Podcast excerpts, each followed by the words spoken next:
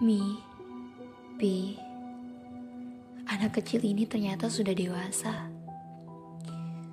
Mulai belajar untuk berdiri di kaki sendiri. Kata orang, jangan selalu bergantung dengan manusia. Tapi kataku, aku tidak sekuat itu untuk menembus badai sendirian. Untuk semua yang pernah aku repotkan, terima kasih ya untuk banyaknya pelajaran yang bisa dipahami anak kecil ini. Terima kasih sudah sempat hadir di tahun 2022 ku. Tahun yang paling kacau dalam hidupku. Maaf, aku tidak sempat memberikan pengalaman berlayar yang paling baik. Karena kapalku sendiri hampir tenggelam.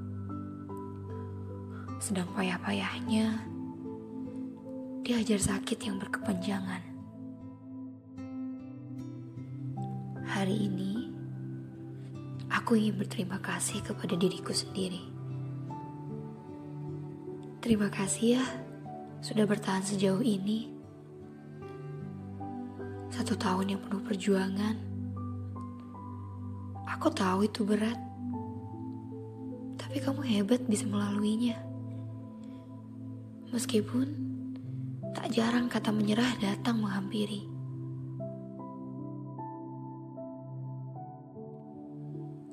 Januari 2022 Tepat satu tahun lalu. Masih teringat jelas Selembar kertas dari dokter Yang kala itu menjadi titik awal tahun terberat yang aku lalui Tahun yang seakan aku tidak memiliki harapan untuk hidup. Bahkan untuk sekedar sembuh pun aku tidak yakin. Se seputus asa itu. Banyak rencana, target, bahkan harapan yang telah aku buat mau tak mau harus aku lepaskan keadaan yang mengharuskan aku menjauh dari orang-orang, bahkan orang terdekat, yaitu keluarga. Tiga bulan pertama bukan waktu yang sebentar untuk aku bisa melalui hari-hariku dengan kesendirian. Di ruang persegi itu, aku menyendiri, ditemani obat-obat yang menjadi sarapanku setiap harinya. Melalui malam panjang yang tak pernah tenang dahulu. Bahkan, aku pun harus mampu bertahan melawan efek samping dari obat-obat itu. Aku hanya bisa bercerita kepada diriku sendiri dan juga kepada Tuhanku. Terkadang aku bertanya-tanya, "Ya Allah, kenapa harus aku? Ya Allah, kenapa harus penyakit ini? Ya Allah, apa aku bisa sembuh?" Dan sederet ya Allah, ya Allah lainnya. Saat itu, aku tak bisa lagi melakukan sholat dengan gerakan sempurna. Bahkan, untuk sekedar melangkahkan kaki pun sangat sulit dan sakit.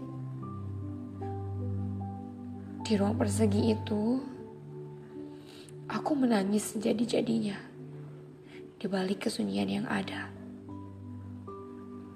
Dan aku berbisik, Ya Allah, Aku ingin sholat secara sempurna. Aku rindu sujud kepadamu. Namun, mau tak mau aku harus bisa menerima kenyataan. Kenyataan kalau ya aku memang sedang sakit. Butuh waktu lama untuk diri ini menerima kenyataan.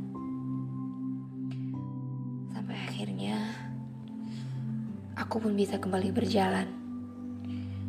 Ya, meskipun masih harus dengan penuh kehati-hatian. Sampai akhirnya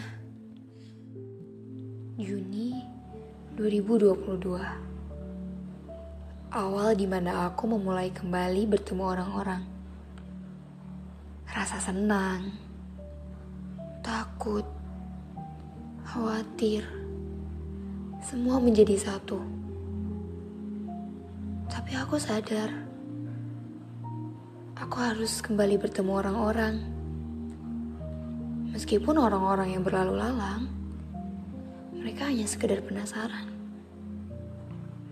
Kadang mereka berhenti sejenak hanya sekedar untuk bertanya, "Kamu ke mana aja? Kamu sakit apa?" kamu udah sembuh? Atau semangat ya? Yang sabar ya, Cak. Rasanya kalimat positif macam apa pun sudah susah untuk menguatkanku.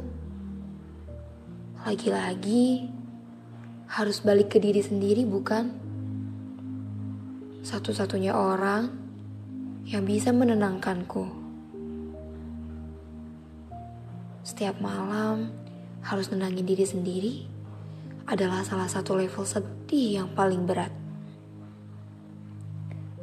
Bertanya-tanya, kapan ya aku bisa benar-benar sembuh?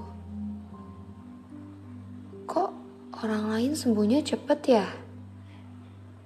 Tapi bingung. Bingung untuk gimana cara ngeluapin emosi sama diri sendiri. Sampai kadang aku berpikir, seegois itukah sampai aku tidak mau bercerita.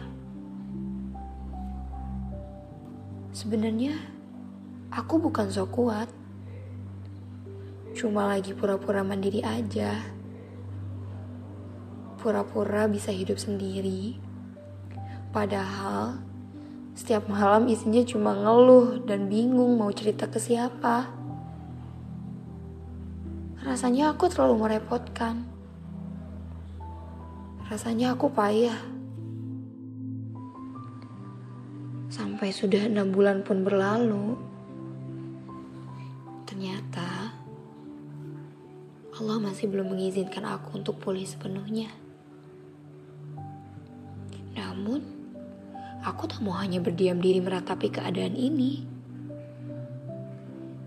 Aku mulai bangkit, mulai menyibukkan diri dengan berbagai kegiatan, dengan berbagai kepanitiaan. Ya, meskipun kadang aku memilih untuk mengurung diri, bukan karena aku suka sendirian, tapi karena aku takut. Takut akan pandangan orang-orang terhadapku. Bukan berarti aku tidak butuh orang lain. Sebenarnya aku butuh. Tapi tolong ya, jangan dengan rasa kasihan. Aku tidak mau dikasihani. Kalau toh semuanya bisa kulakukan sendiri, ya akan ku coba sampai akhirnya tak terasa waktu sudah berjalan sembilan bulan lamanya tapi ternyata Allah masih sayang sama aku kata dokter aku masih harus menjalaninya tiga bulan lagi dengan obat-obatan yang sama kalau ditanya capek gak cak Ya capek. Ada rasa ingin menyerah gak, Cak? Ya ada. Suka pengen nangis gak? Selalu. Namun, aku tak boleh menyerah begitu saja, bukan? Setelah perjuanganku 9 bulan ini, rasanya bukan keputusan bijak jikalau aku menyerah. Ada banyak orang di sekitarku yang mengharapkan aku sembuh. Ada banyak orang yang selalu mendoakanku. Jadi, aku rasa aku harus kuat. Aku harus bertahan. Aku harus sembuh. Karena aku yakin Allah tidak mungkin membebani hambanya melebihi batas kemampuannya. Hingga akhirnya di hari ini tepatnya 20 Januari 2023 aku sangat berterima kasih kepada diriku yang sudah bertahan hingga detik ini. Sebanyak 2095 lebih butir obat yang sudah kamu konsumsi. Itu bukan jumlah yang sedikit, Cak mudah untuk melawan rasa lelah, bosan, mual, untuk meminum obat-obat itu. Namun, nyatanya kamu berhasil. Selamat ya. Terima kasih untuk mami yang tak pernah lupa mengingatkan yang selalu menemani ke rumah sakit dari awal hingga hari ini. Terima kasih untuk papi yang mungkin tak pernah menunjukkan kekhawatirannya. Padahal di balik ketenangannya menyimpan berjuta-juta doa untukku. Terima kasih untuk seluruh keluarga yang selalu mendoakanku hingga aku bisa berada di titik ini. Terima kasih untuk orang-orang yang membersamaiku selama proses penyembuhanku. Terima kasih sempat buat aku percaya bahwa Ternyata manusia di bumi masih ada yang baik. Terus menjadi baik ya. Terima kasih untuk kamu, kalian yang pernah jadi bunga yang rekah di tahunku yang patah. Terima kasih ya Allah telah menghadirkan mereka. Terima kasih aku.